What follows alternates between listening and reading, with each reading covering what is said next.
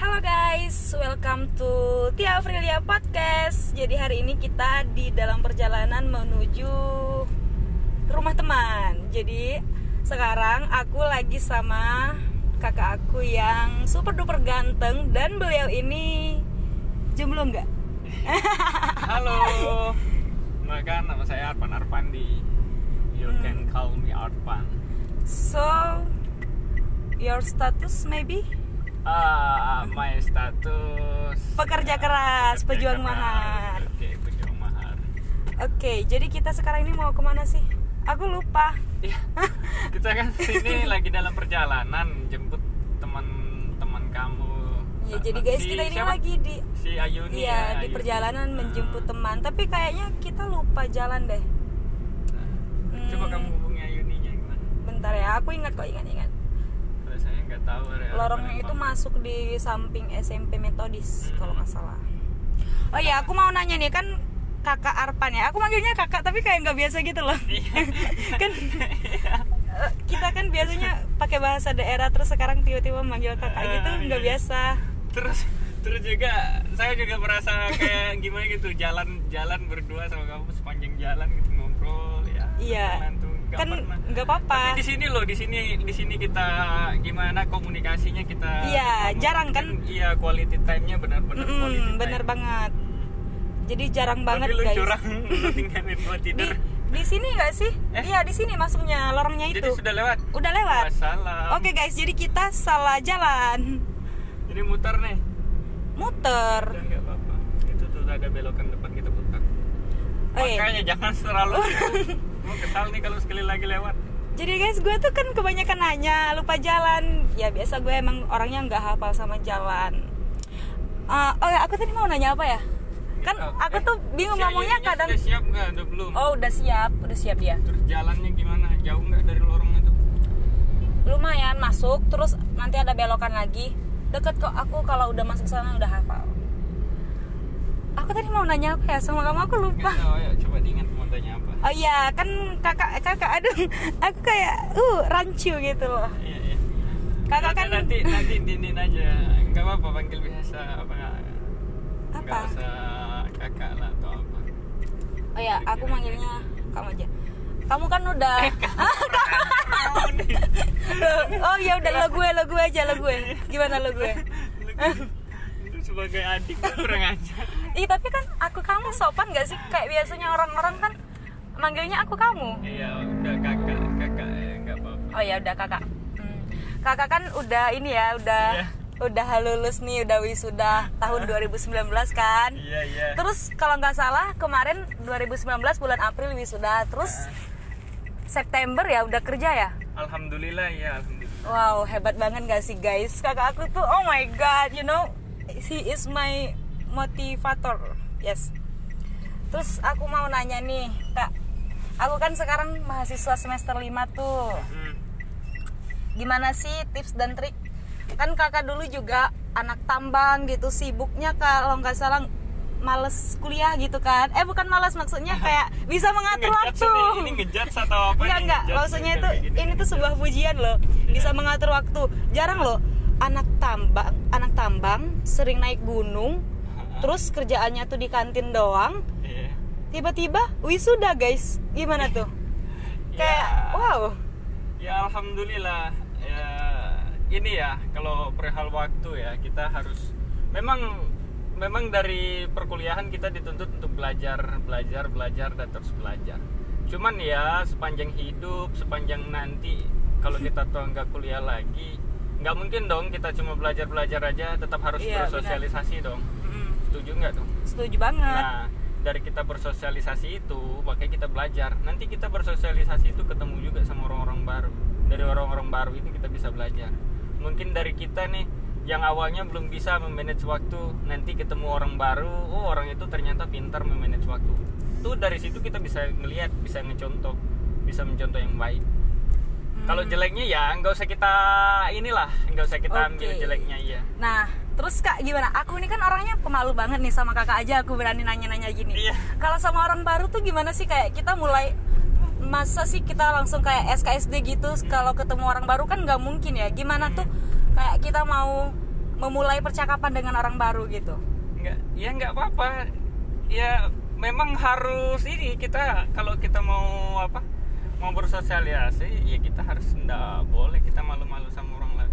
Cari dulu langkah awalnya cari dulu kecocokan sama orang itu apa. Nanti dari kecocokan itu bisa nih dijadikan bahan obrolan. Oh. nanti misal nih kita pakai kemeja terus dia juga pakai kemeja. Eh kemeja lu ini nih nih ah seperti itu kan sudah mulai Oh. memulai memulai obrolan nanti Oke. ya nggak mungkin kan kita sepanjang ini nanya nanti dia juga ada feedbacknya ke kita nanya eh oke kamu kuliah di mana Ah, kan dari situ mulai terbangun komunikasinya tapi aku tuh orangnya sering nggak pede gitu loh kayak takut Mm. kalau aku nanya nih aku kan seandainya baru ketemu kamu Ah. eh baru ketemu kakak terus Iya. aku nanya kayak takutnya kakak tuh mikir yang enggak enggak gitu apa sih apaan sih nih anak sok kenal banget padahal baru ketemu gitu oh enggak enggak malah orang justru justru ini ya orang-orang malah kadang lebih senang kalau ada orang yang berani memulai kayak gitu kan untuk bersosialisasi ber apa friend friendly lah bahasanya kayak gitu kan bahasa kerennya Hmm. Mm. Hmm, terus tips biar cepet dapat kerja itu gimana kak Nah, uniknya di sini nih tips dapat kerja itu sebenarnya ya rezeki ya rezeki kita ndak boleh ini yang namanya rezeki ya sudah digariskan. Dan kalau saya kakak sendiri ngerasain eh, itu efeknya dari dari teman-teman sih dari kita bersosialisasi tadi. Hmm, berarti Jadi- sosialisasi itu dampaknya Hmm. besar banget gitu ya Iya. untuk ke depannya Jadi kita kita ini kan apa? Kita kuliah, kalau kita fokus sama kuliah aja, kita nggak membangun relasi. Jadi kita ya nanti pas keluar kuliah keluar keluar kampus ya ini sebatas ilmu aja yang kita dapat. Nah, Hmm.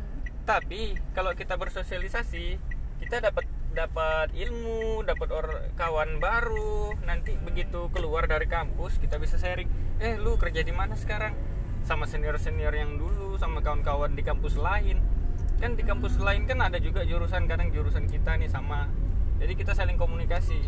Eh, kerja di mana sekarang? Eh, apa aktivitas? Eh, apa kabar? Nah, dari sana kan juga terbangun komunikasi. Terus kita nih kalau misal belum kerja, nanti dia nanya, "Eh, lu di mana?" "Eh, gua masih nganggur nih. Kalau ada job boleh dong diajak-ajak gitu." Gitu.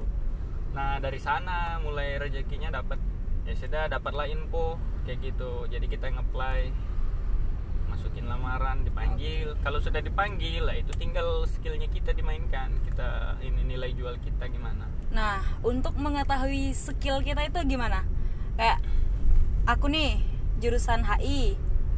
Mm-mm. Aku tuh orangnya tapi pemalu loh kak. Meskipun HI kan katanya itu public speakingnya harus bagus, Mm-mm. eh, harus pinter bahasa asing, Iya. Inggris, Mandarin. Tapi aku tuh masih kurang dalam hal itu. Ya, apa-apa Iya, apa yang harus aku tunjukin nanti kalau ketika aku baru lulus, fresh graduate, aku mau lamar kerja di CV itu.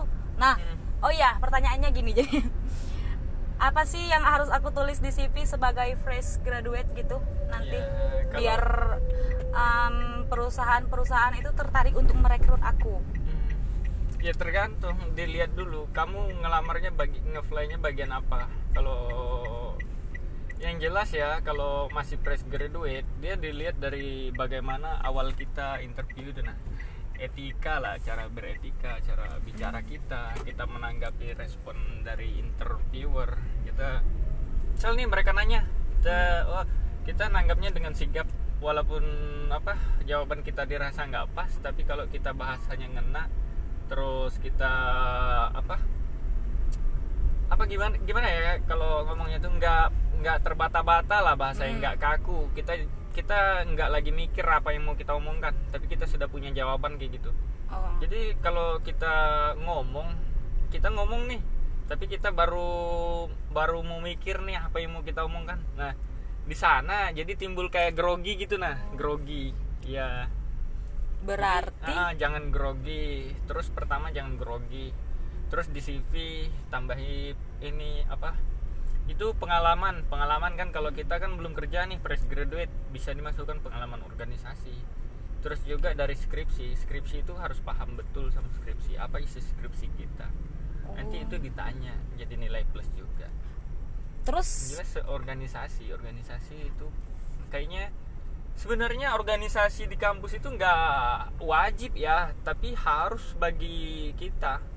Untuk kita tahu nih gimana kita ngembangkan diri kita sama orang-orang baru sama halnya Oke, aku mau nanya nih. Berarti IPK itu nggak nggak ada itu ya pengaruh gitu untuk IPK IPK itu pengaruh. Maaf ya langsung saya potong. IPK pengaruh sangat pengaruh. Gimana tuh? Pengaruhnya IPK hanya sebatas mengantarkan dia dipanggil kerja syarat administrasi.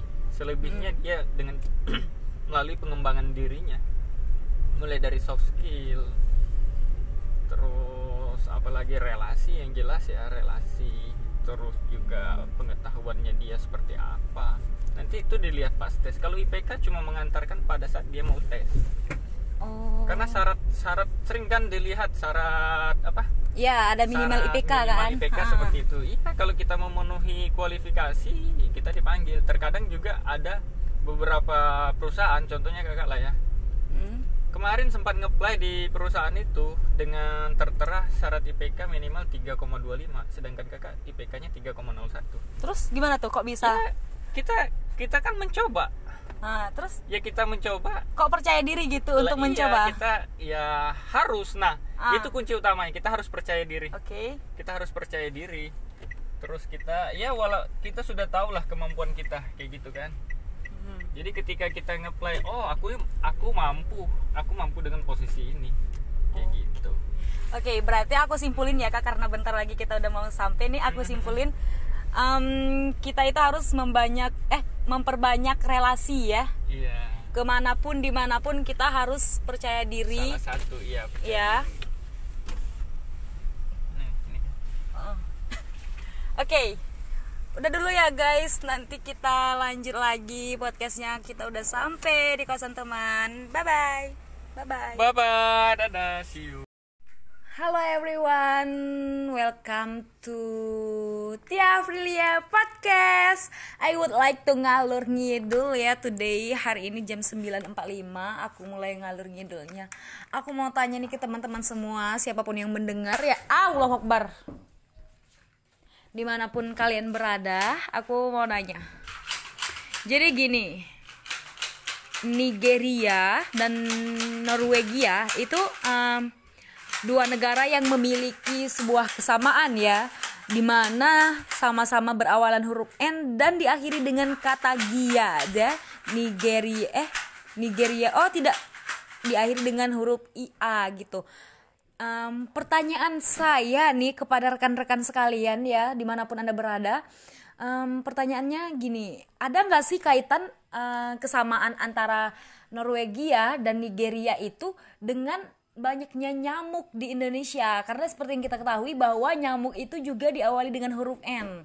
Sama seperti Nigeria dan Norwegia Gimana tuh? Tolong ya di komen sebanyak-banyaknya. Saya mencari jawaban itu saya udah pusing tujuh keliling ya memecahkan isu internasional yang luar biasa su- sulit dipecahkan itu. Saya sudah melakukan riset da- dari beberapa jurnal ya mencari jurnal atau penelitian-penelitian ter- terdahulu untuk mengetahui jawaban dari hal tersebut.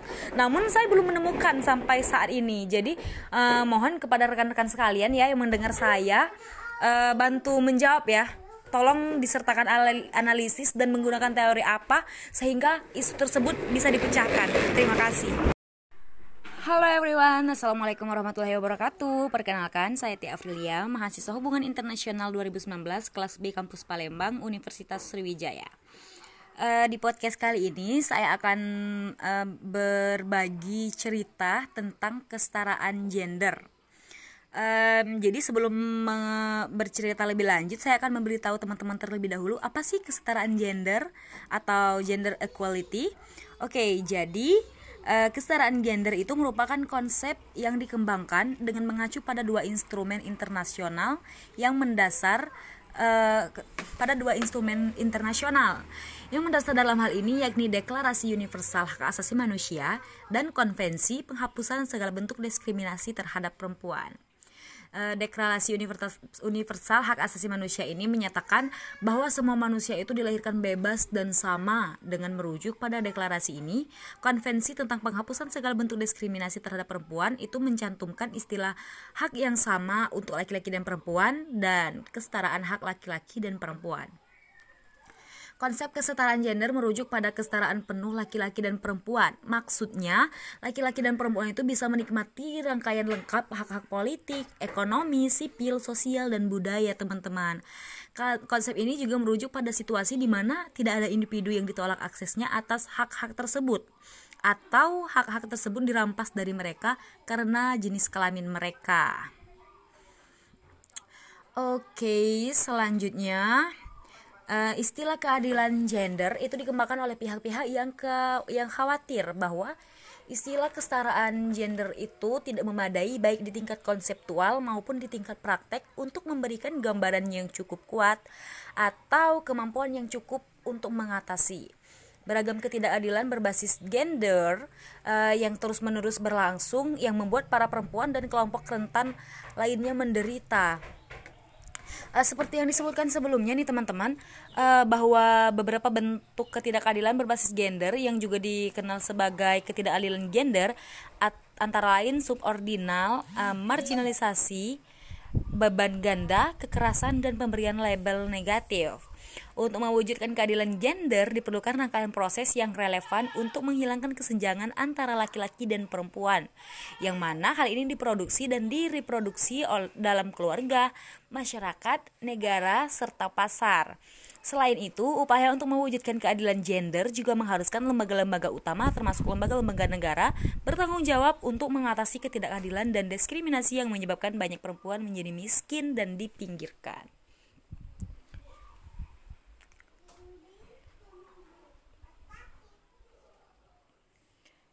So, selanjutnya pengaruh utamaan gender. Pengaruh utamaan merupakan sebuah proses dijalankan untuk menggiring aspek-aspek yang sebelumnya dianggap tidak penting atau bersifat marginal ke dalam putaran pengambilan keputusan dan pengelolaan aktivitas utama kelembagaan dan program kerja. Pengurus pengetahuan gender merupakan rangkaian strategi untuk mengingreditasi perspektif gender dalam pengembangan institusi institusi kebijakan dan program kerja termasuk di dalamnya desain dan pelaksanaan kebijakan, program monitoring dan evaluasi serta dalam kerjasama dengan pihak luar dan atau pihak eksternal.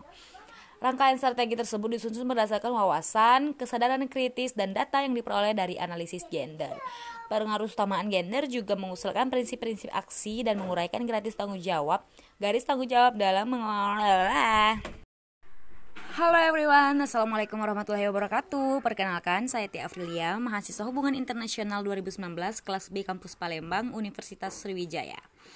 Uh, Di podcast kali ini saya akan uh, berbagi cerita tentang kesetaraan gender.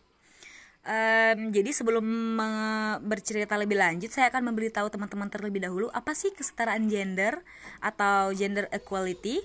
Oke, okay, jadi Uh, kesetaraan gender itu merupakan konsep yang dikembangkan dengan mengacu pada dua instrumen internasional yang mendasar uh, pada dua instrumen internasional yang mendasar dalam hal ini yakni Deklarasi Universal Hak Asasi Manusia dan Konvensi Penghapusan Segala Bentuk Diskriminasi Terhadap Perempuan. Eh, Deklarasi Universal, Universal Hak Asasi Manusia ini menyatakan bahwa semua manusia itu dilahirkan bebas dan sama dengan merujuk pada deklarasi ini. Konvensi tentang penghapusan segala bentuk diskriminasi terhadap perempuan itu mencantumkan istilah hak yang sama untuk laki-laki dan perempuan dan kesetaraan hak laki-laki dan perempuan. Konsep kesetaraan gender merujuk pada kesetaraan penuh laki-laki dan perempuan. Maksudnya, laki-laki dan perempuan itu bisa menikmati rangkaian lengkap hak-hak politik, ekonomi, sipil, sosial, dan budaya, teman-teman.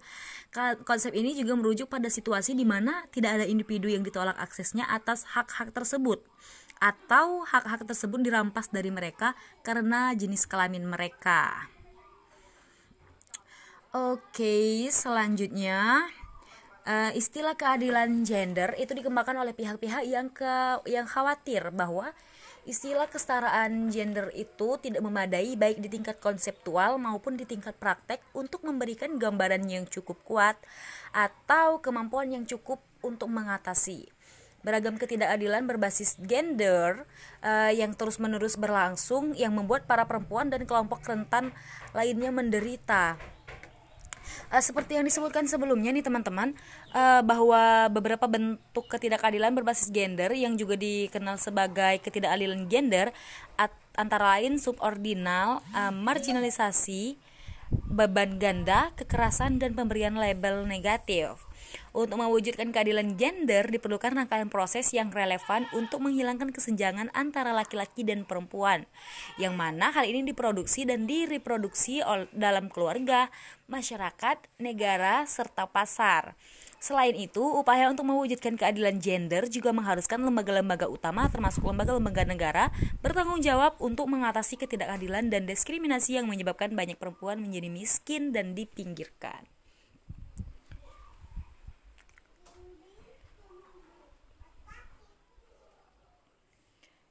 So, selanjutnya pengaruh utamaan gender.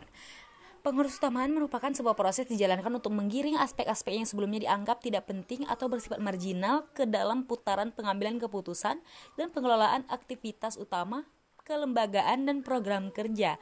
Pengurus pengetahuan gender merupakan rangkaian strategi untuk mengingreditasi perspektif gender dalam pengembangan institusi institusi kebijakan dan program kerja termasuk di dalamnya desain dan pelaksanaan kebijakan, program monitoring dan evaluasi serta dalam kerjasama dengan pihak luar dan atau pihak eksternal. Rangkaian strategi tersebut disusun berdasarkan wawasan, kesadaran kritis, dan data yang diperoleh dari analisis gender.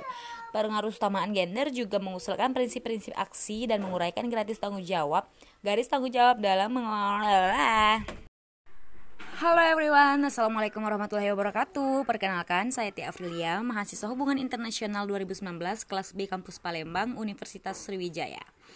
Uh, Di podcast kali ini saya akan uh, berbagi cerita tentang kesetaraan gender. Um, jadi sebelum bercerita lebih lanjut, saya akan memberitahu teman-teman terlebih dahulu apa sih kesetaraan gender atau gender equality. Oke, okay, jadi Uh, kesetaraan gender itu merupakan konsep yang dikembangkan dengan mengacu pada dua instrumen internasional yang mendasar uh, pada dua instrumen internasional yang mendasar dalam hal ini yakni Deklarasi Universal Hak Asasi Manusia dan Konvensi Penghapusan Segala Bentuk Diskriminasi Terhadap Perempuan. Eh, Deklarasi Universal Hak Asasi Manusia ini menyatakan bahwa semua manusia itu dilahirkan bebas dan sama dengan merujuk pada deklarasi ini.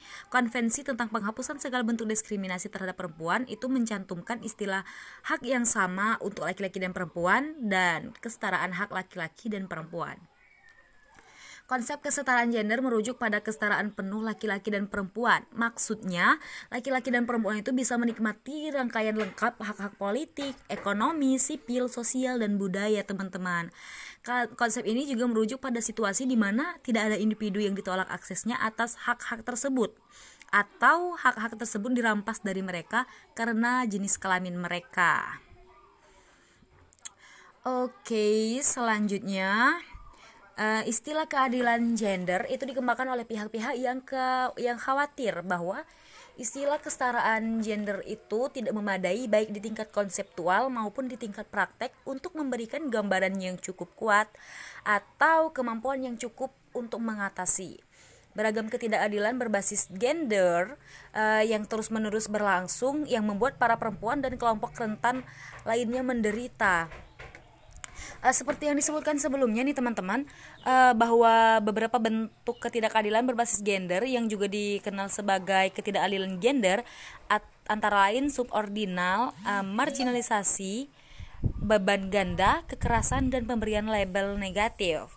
Untuk mewujudkan keadilan gender diperlukan rangkaian proses yang relevan untuk menghilangkan kesenjangan antara laki-laki dan perempuan, yang mana hal ini diproduksi dan direproduksi dalam keluarga, masyarakat, negara, serta pasar.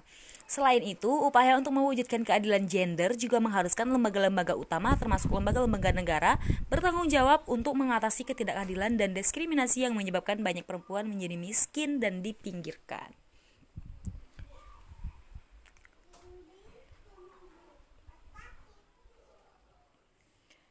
So, selanjutnya pengaruh utamaan gender.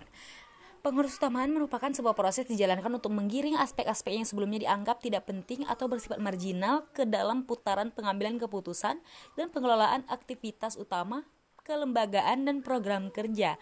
Pengurus pengetahuan gender merupakan rangkaian strategi untuk mengingreditasi perspektif gender dalam pengembangan institusi institusi kebijakan dan program kerja termasuk di dalamnya desain dan pelaksanaan kebijakan, program monitoring dan evaluasi serta dalam kerjasama dengan pihak luar dan atau pihak eksternal.